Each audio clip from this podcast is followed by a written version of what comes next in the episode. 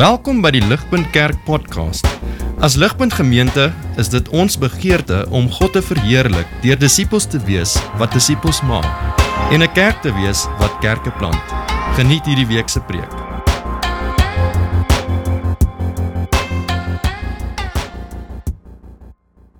Vriende, ons um, lewe natuurlik nê nee, in die era van sosiale media en so ons almal is vertroud met uh social media. Dit is 'n kollektiewe term nê vir hierdie platforms wat regtig daar is om virtual community uh gemeenskap teweeg te bring. En ons almal ken dit. Ons almal is either op Facebook of op Twitter of op 'n uh, of op 'n WhatsApp verseker almal van ons of meeste van ons Instagram. En die trekpleister nê van daai sosiale media gemeenskap kultiverende projekte. Uh, die trekpleister daarvan is natuurlik dat dit soos die Engelsman sal sê dit hou ons connected.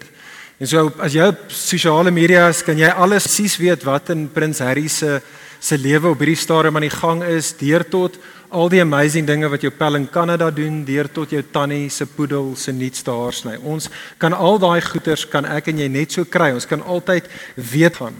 Maar vriende, ten spyte van al hierdie stemme wat ons hoor, soos wat ons probeer om oral connected te wees, is die kundiges daar buite en die studies daar buite wat gedoen word, toenemend oor die laaste klomp jare eens daaroor dat sosiale media ironies genoeg In steede daarvan dat dit gemeenskap bevorder, eintlik wat dit doen, is dit is eintlik besig om gemeenskap te te belemmer.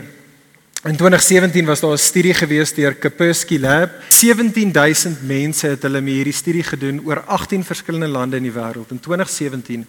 En wat hulle uh, bevinding was is dat sosiale media maak dat daar 'n massiewe afname is in ons gesig tot gesig tot aangesig verhoudings met ons naasbestaandes. So imagine 17000 mense oor 18 lande en hulle bevinding was dat ehm um, dat wat sosiale media doen is dat ons dat daar se 1% minder gesig tot aangesig uh verhoudings wat plaasvind met ons ouers 'n 23% minder face to face uh uh verhoudings met ons eggenoot 33% minder 35% minder met ons vriende.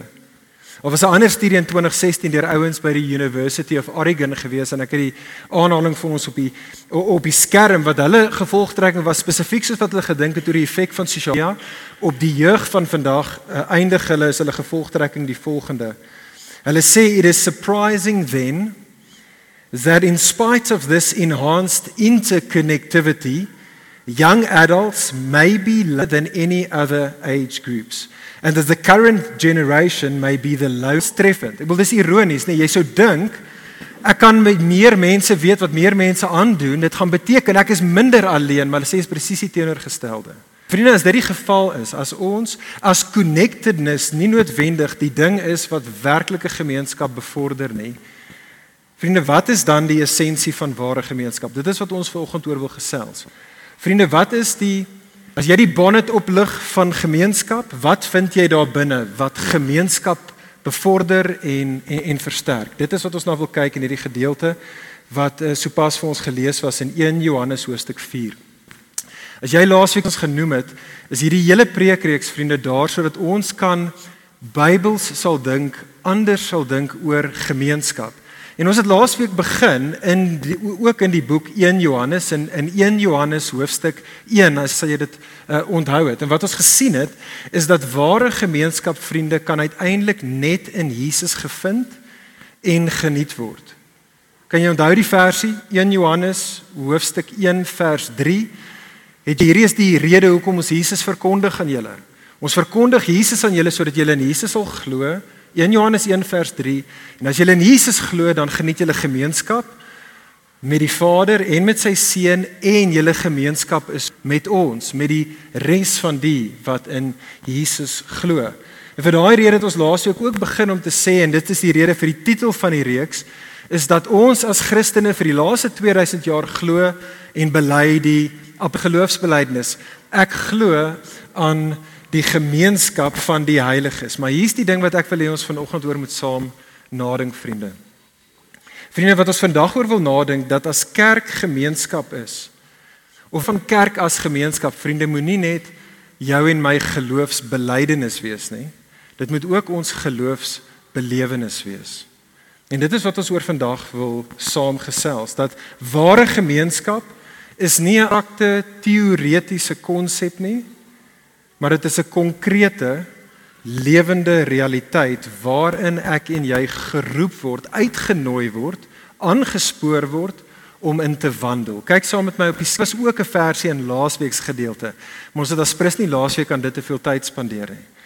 Uh 1 Johannes hoofstuk 1 vers 6 tot 7. Hoor wat sê die apostel Johannes. As ons sê as ons gemeenskap het en in die duisternis wandel, dan lieg ons en ons doen nie die waarheid nie. Maar as ons in die lig wandel soos hy in die lig is, dan het ons gemeenskap met mekaar en die bloed Christus sy seun reinig ons van alle sonde. Met ander woorde het Johannes gesê laasweek op hy versie skokkende woorde. Johannes het laasweek gesê integraal tot gemeenskap met God en met God se mense is 'n tipe van lewenswandel. Dis 'n lewenswandel wat nie in die duisternis gelewe word nie, maar dit is 'n lewenswandel wat in die lig gelewe word. Waarna verwys Johannes daarso? Wat is daardie lewenswandel wat hy na verwys? Kom met my, want hy gaan dit antwoord net in die volgende paar verse in hoofstuk 2 vers 9 tot 10. Hy sê hy wat sê dat hy in die lig is en sy broeder haat, is in die duisternis tot nou toe. Wie sy broeder liefhet, bly en in die lig en in hom is geen oorsaak van struikeling nie. Met ander woorde vriende wat Johannes vir ons sê, hierdie is die tipe van lewenswandel wat raal is tot gemeenskap met God en gemeenskap met God se mense. Dit is broederlike liefde. Is die woord wat ten minste in die in die Afrikaanse vertaling staan. Is broederlike liefde, liefde vir medegelowiges, spesifiek in die konteks van jou geloofsgemeenskap. Dit is integraal sê Johannes. En vriende, so hier is as dit ware my teses vir vandag. Hierdie is die groot waarheid wat ek ons almal aan wil herinner en ons almal tot roep. Vriende, dit is wat ons oor vandag gesels. Broederlike liefde, vriende, is essensieel tot ware geloofsgemeenskap. Ons wil gesels saam oor broederlike oor oor gemeenskap wat ons vandag gemeenskap staan of val met broederlike liefde. En so wat ons wil doen vandag, twee vrae beantwoord. Hoekom? Hoekom is dit dat broederlike liefde essensieel is tot die geloofsgemeenskap en hoe lyk dit? Hoe lyk dit in praktyk wanneer 'n liefde in ons geloofsgemeenskap besig is om uitgelewe te word? En vir dit wil ek eers met saam kyk na daai gedeelte. Kyk saam met my 1 Johannes hoofstuk 4 vers 7 tot 12. Eerste ding is dit vriende, 3 hier's 3 redes. So 3 verwants wat Johannes vir ons uitlig hoekom broederlike liefde so belangrik is. Vers 7 en 8 in julle teksgedeelte. Johannes verwys daarna gelowiges let wel hoe as geliefdes. Mense sê hy wat aan die ontkant van liefde staan. Hulle hulle is mense wat aan die ontvangkant van liefde staan van God se liefde staan want liefde sê hy is uit God uit. Inderdaad, liefde vloei vanaf God sê Johannes want God is liefde.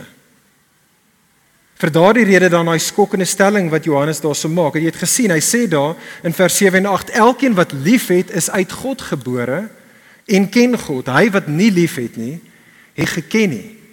Kyk, wat bedoel hy daarmee? Dink dink ek dink is die taal is uh, van van gebore uh, is behulpsaam daar. Dink aan ouers en hulle kinders. Ouers en hulle kinders uh, deel in dieselfde DNA word gebore uit hulle ouers uit en dis het die ouers se DNA en sê Johannes so is dit met die verwantskap tussen God en almal wat God se kinders is.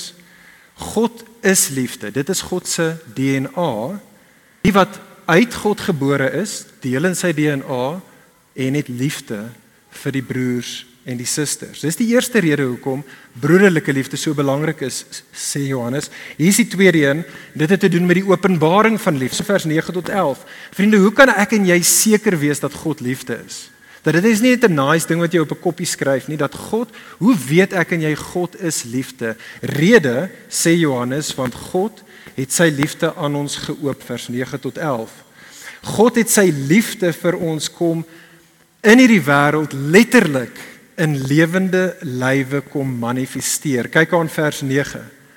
Johannes sê God het sy seun in die wêreld gestuur en toe vers 10 het hy sy seun kruis toe gestuur. En dit is hoekom ons kan weet God is liefde want hy het sy liefde aan ons kom openbaar.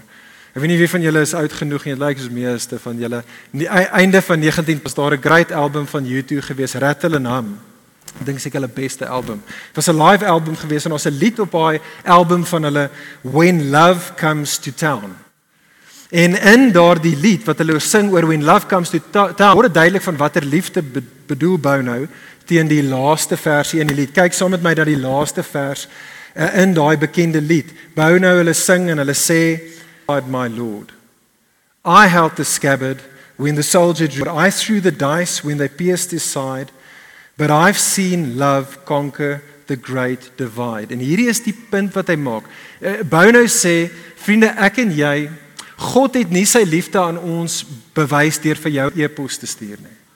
God het nie net gekom en gesê, "Haai, hoor jy, ek is baie lief vir julle en dis net mooi woorde en dit is goeie bedoelings nie." Nee, God het sy liefde aan ons kom duidelik maak deur vir Jesus te stuur. Dit is die love that Christian, Jesus is God se vergestalting van sy liefde wat in hierdie wêreld na jou en my toe gekom het. En die verstommende ding en en Bounou sê dit daar en dit is wat Johannes in sy gedeelte sê die verstommende ding is toe God in liefde na ons toe ek het op ons vlak neergedaal het. Letterlik. Toe God kom in liefde, wat het ons gedoen? Ons het hom verwerp. Wat ons gedoen het is ons het regtig in die donkerste plek van haat van haar sê God, ek wil jou nie hê nie. Ek wens jy is dood. En die verstommende ding is vriende, jy's in daai oomblik in jou en my mees haatlikste van oomblikke waar ons God doodgemaak het. Hierdie plek het God se liefste liefde die helderste geskyn. Dit is juis daar soos wat hy gesterf het, wat hy gesterf het om die loon vir jou en my sonde te betaal. Hy het daar gesterf vir ons sonde om ons te versoen van bou nou om daardie groot skeiding wat tussen jou en my en tussen ons en God was, om daardie kloof, daai great divide oor te brug sodat ek en jy gemeenskap met hom kan geniet. Vriende, dit is dit is die goeie nuus van Christus. En kyk aan na vers 11. Geliefdes, sê Johannes weer, as God ons so lief gehad het, behoort ons ook mekaar lief te hê. Tweede of die derde rede, die derde rede hoekom dit so belangrik is vir broederlike liefde vriende vir ons, is die oogmerk van liefde. Ons vind dit daar in vers 12. Jy sien in vers 12 gaan gaan Johannes daar en hy maak daar 'n stelling vriende wat as jy die evangelie van lees het, sal onthou dit is ook wat hy in die begin van die evangelie van Johannes maak. In Johannes hoofstuk 1 vers 18 sê hy presies dieselfde woorde. En Johannes sê daarso niemand het nog ooit vir God gesien nie. En dit is behulpsaam om dit te sê, nie, vriende, God is gees. Ek en jy kan nie plat en hom meet nie. Ons kan nie aan God vat nie, hy's gees. Maar die onsigbare God het Johannes 1 vers 18 in die een van Jesus vlees geword in menslike kategorieë wat ek en jy kan ken en verstaan sodat ons vir God kan ken. Dit was die evangelie van Johannes. Nou hier in 1 Johannes gaan Johannes en hy en hy en hy verder. Dis amper nog meer 'n radikale stelling en hy sê daardie God wat in sy seun Jesus in die wêreld openbaar word, bekend gemaak word word ook hier bekend gemaak aan die wêreld. Dit is ons liefde aan mekaar betoon waar God as dit ware deur ons in ons tot vergestalting kom. As ons mekaar vers 12 liefhet, bly God in ons en het sy liefdesvol maak geword. OK, so dink dink aan die dooie see daar naby Israel wat bekend is want dit is die souterige plek en niks regtig kan nog groei nie. Jy kan nie regtig enigiets doen met daai watermassa daar nie. Die rede is daar's water wat invloei na daai area toe, maar daar's geen water wat uitvloei nie. So die water raak as dit ware gekontamineer. Daar's net dit dit is nie gesond nie. Jy kan niks met dit doen nie. Dit dit dit doen nie dit dien nie die doel wat water behoort te doen nie. En so vriende, sê Johannes, is dit ook met 'n geloofsgemeenskap wat die liefde van God indrink en ek drink die liefde van God in en dit vloei in my in, maar dit vloei nie dan weer uit na mekaar toe nie. Uh, en, en vir daardie rede sê hy ons is dan nie besig as dit waar is van ons ons is nie 'n geloofsgemeenskap wat ons roeping realiseer nie. God se liefde word nie in ons volmaak gemaak nie. Met ander woorde dit realiseer nie ten volle nie. En vriende ek weet nie maar soos wat ek hierdie verse lees en dis eintlik waar van die hele boek van 1 Johannes. As jy enigstens deur 1 Johannes gelees het dan los dit 'n mens altyd 'n klein bietjie ongemaklik. En as ek met eerlik wees is hierdie woorde van 1 Johannes 4 vers 12 vriende soos 'n spieël waarna ek kyk en wat my my kop in skaamte laat sak. Soos wat ek na hierdie teksgedeelte kyk, moet ek bely en erken dat ek op die beste van tye volhou daarin om my broers en my susters, my geestelike broers en susters lief te hê soos wat hierdie gedeelte ons tot roep nie. Jy sien as ek hierdie gedeelte lees, dan konfronteer dit my met die koneksie tussen my geloofsbelijdenis en my geloofsbelewenis. Nou vriende, ek is seker dit is nie net ek nie. Ek is seker dit is waar vir elkeen van ons. Dit lê reg by die hart van die hele 1 Johannes. Kyk saam met my. Seker ek dink die kernvers van die hele boek. 1 Johannes hoofstuk 3 vers 23 lees as volg. Johannes sê en dit is God se gebod. Hierdie is wat God van ons verlang, sê Johannes. Dat ons in die naam van sy seun Jesus Christus moet glo en mekaar lief hê soos hy ons 'n gebod gegee het. Die punt wat Johannes maak, dis die groot idee van die hele boek van 1 jou vriende, geloof in Jesus en liefde vir Jesus se mense kan nie van mekaar geskei word nie.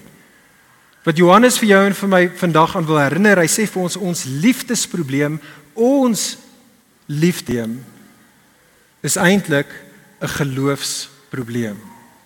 En die mate waarin ek en jy in ons identiteit as geliefdes vers 7 vers 11 sou rus, mate waarin ons liefde aan mekaar sal betoon. En so vriende kan ons stop. Kan ons net vir 'n oomblik stop, elkeen van ons. Kan ons net stop en toelaat dat hierdie teks elk ons uitnooi. Elkeen van ons uitnooi om self ondersoek te doen.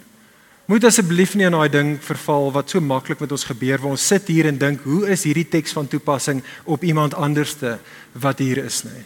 Oomblik stop en vra Hoe hoe lyk my lewe soos ek voor hierdie spieël van 1 Johannes 4 staan? Hoe is ek besig om in die konteks van hierdie nie 'n uh, geloofsgemeenskap daar buite nie. Maar hoe is ek besig om in die konteks van hierdie geloofsgemeenskap daarin te faal om broederlike liefde en susterlike liefde te betoon? En vriende, die Nuwe Testament baie duidelik daaroor hoe lyk liefdeloosheid? Die liefdeloosheid wat in verskillende forme manifesteer in die konteks van 'n geloofsgemeenskap. Vriende, liefdeloosheid is wanneer ek en jy, wanneer ons interaksie met mekaar kenmerk word deur dood. Liefdeloosheid word uh, ge, uh, gemanifesteer wanneer ons nie aan mekaar die voordeel van die twyfel gee nie. Liefdeloosheid manifesteer wanneer ons deel vel in situasies waar ons nie die volle prentjie het nie.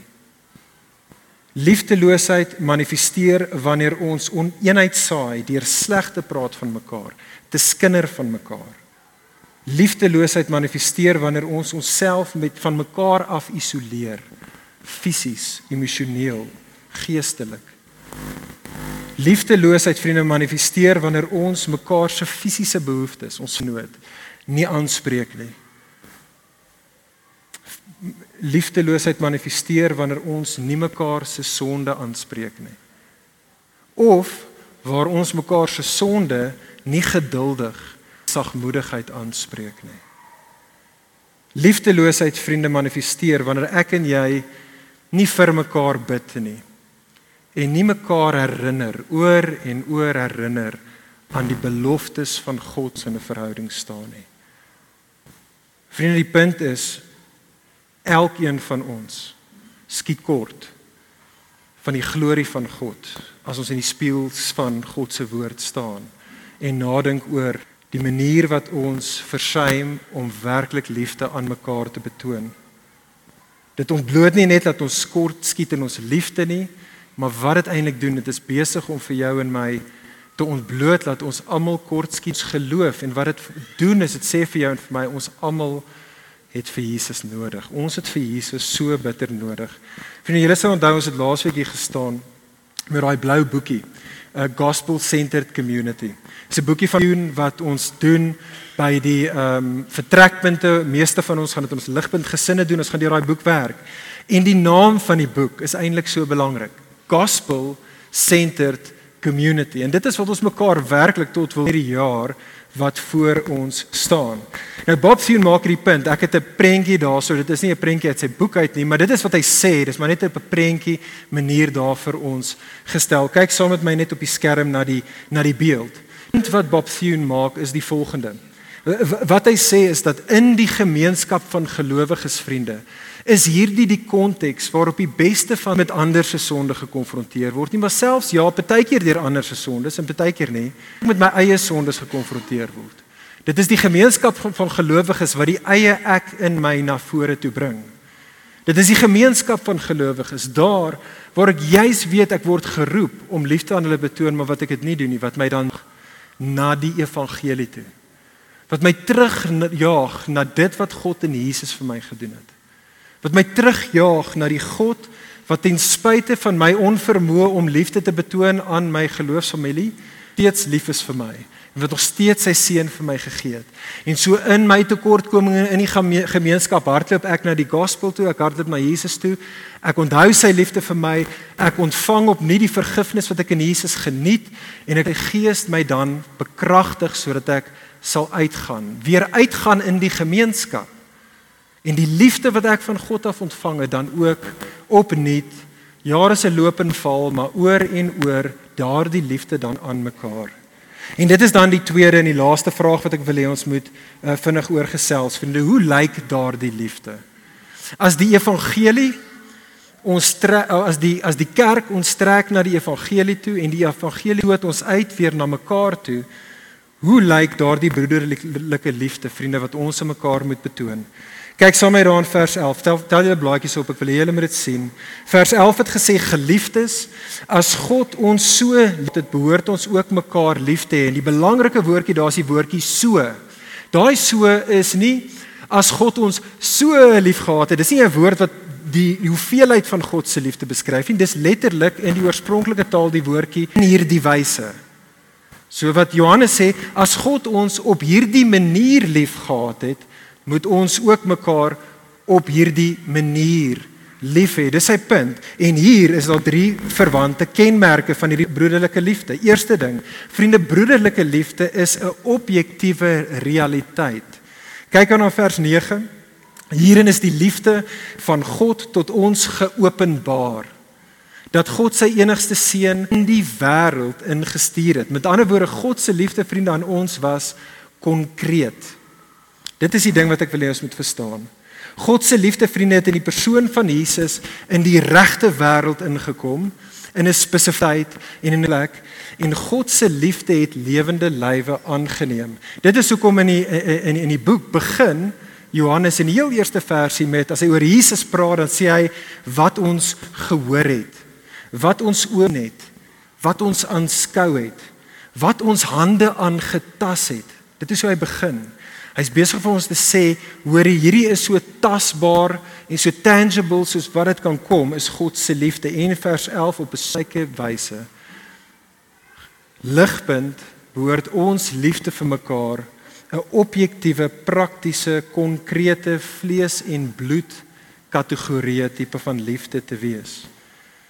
So lyk 'n bonatuurlike, hoe lyk 'n geloofsgemeenskap waar God bonatuurlik aan die werk is? En waar God se liefde onder mekaar bo natuurlik aan die werk is. Hoe lyk dit in praktyk? Die ironie is dit lyk baie eerlik.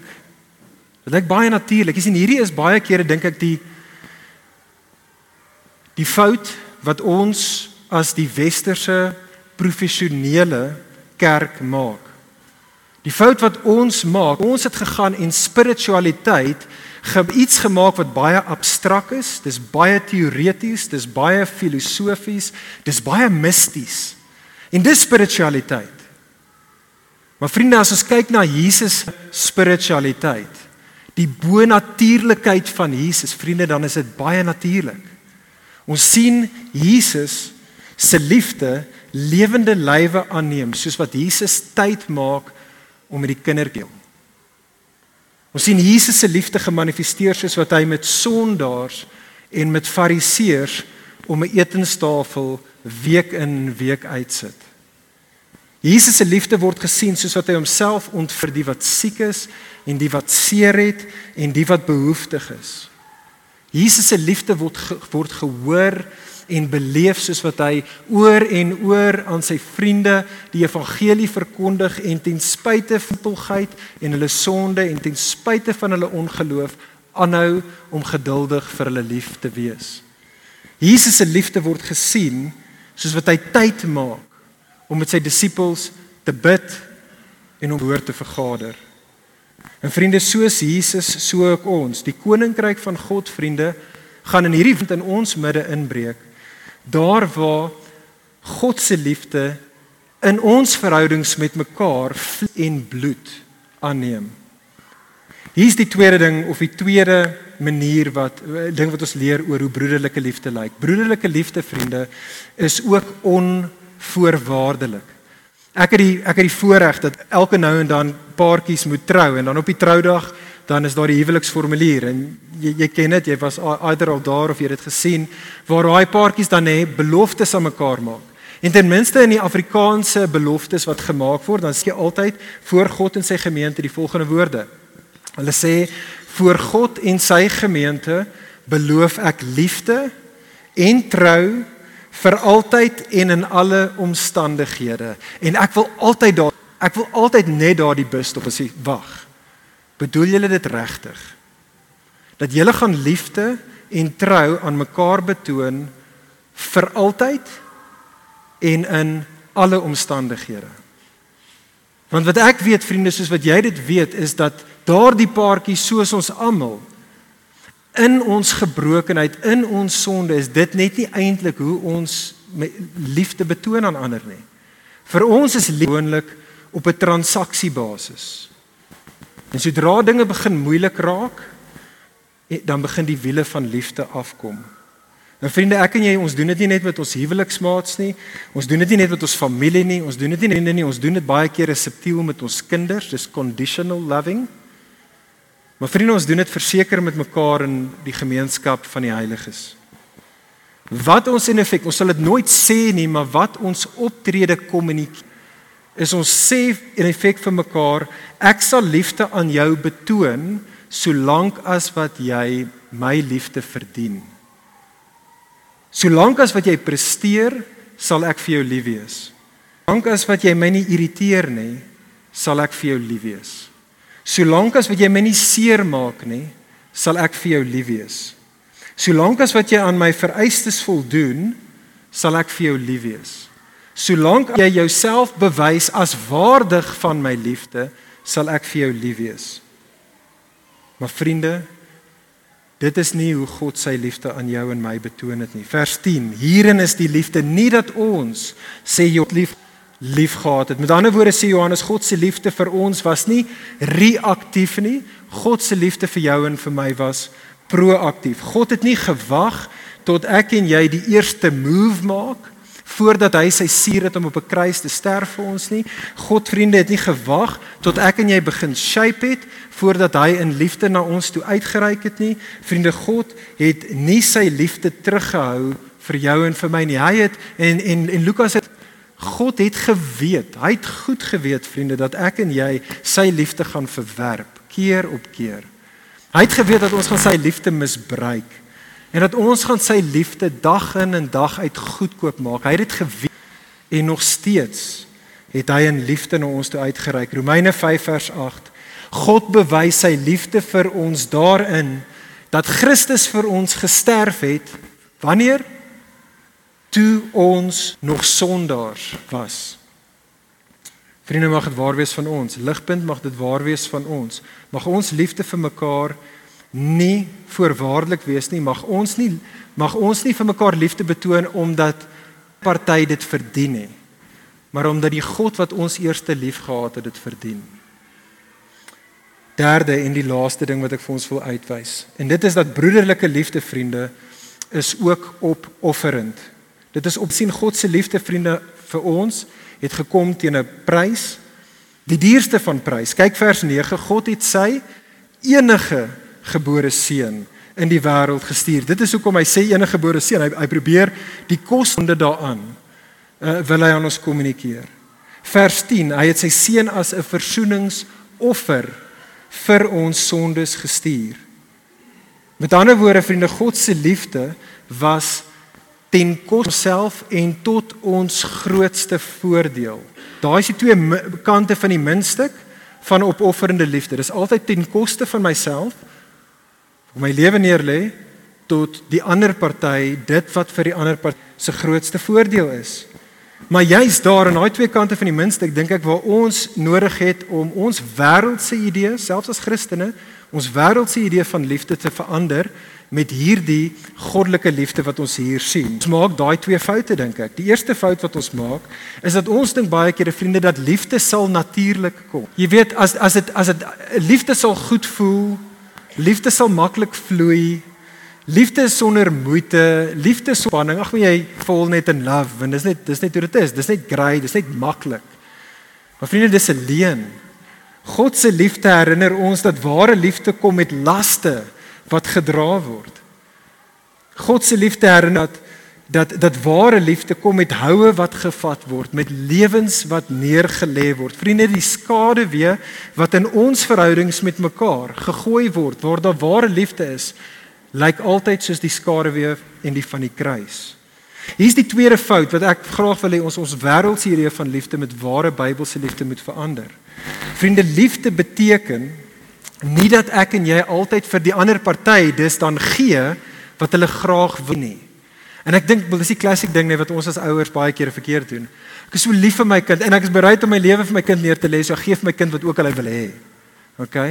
Ware liefde is nie daar om vir die ander persoon te gee wat hulle noodwendig wil hê nie. Vriende, God het nie vir jou en vir my noodwendig gegee wat ek en jy wou gehad nie, maar dit wat ons nodig gehad het. Dit wat jou en my grootste behoefte was.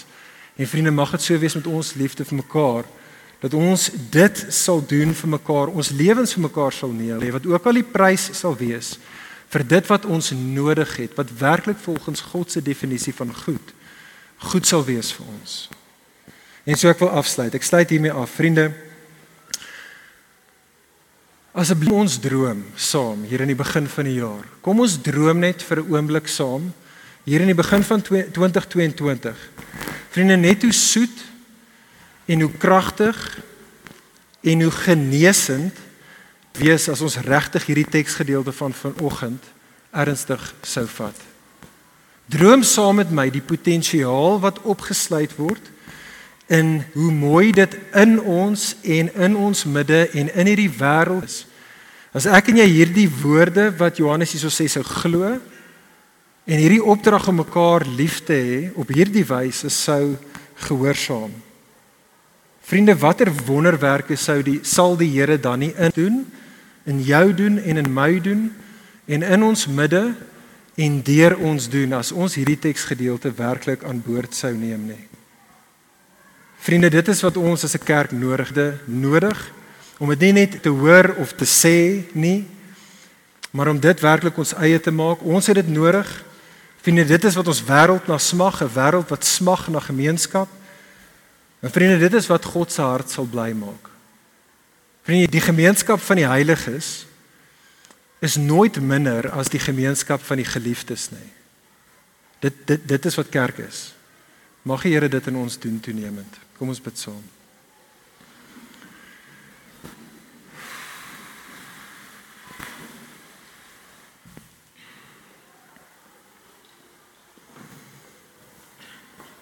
Vader ons kyk in hierdie oomblik opnuut na u u seun wat die vergestalting is van u liefde vir ons 'n liefde wat vloei soos 'n fontein waar almal welkom is elke dag 'n fontein wat nooit opdroog vir ons nie. Here maak ons se mense wat sal rus in die wete dat ons is 'n geliefdes. Ons is u geliefdes. Ag en Here bekragtig ons om vir daardie rede vir mekaar lief te wees. Tasbare maniere. Help ons om vir mekaar lief te wees op onvoorwaardelike terme en op op offerende manier soos wat Jesus sy lewe vir ons opgeoffer het. Here doen hierdie werk in ons, ons het U nodig. Ons het mekaar nodig. Gebruik ons o Here soos wat U ons verander. In Jesus se naam bid ons dit. Amen. Vir meer inligting oor Ligpunt Kerk, besoek gerus ons webwerf op www.ligpunt.com of kontak ons gerus by info@ligpunt.com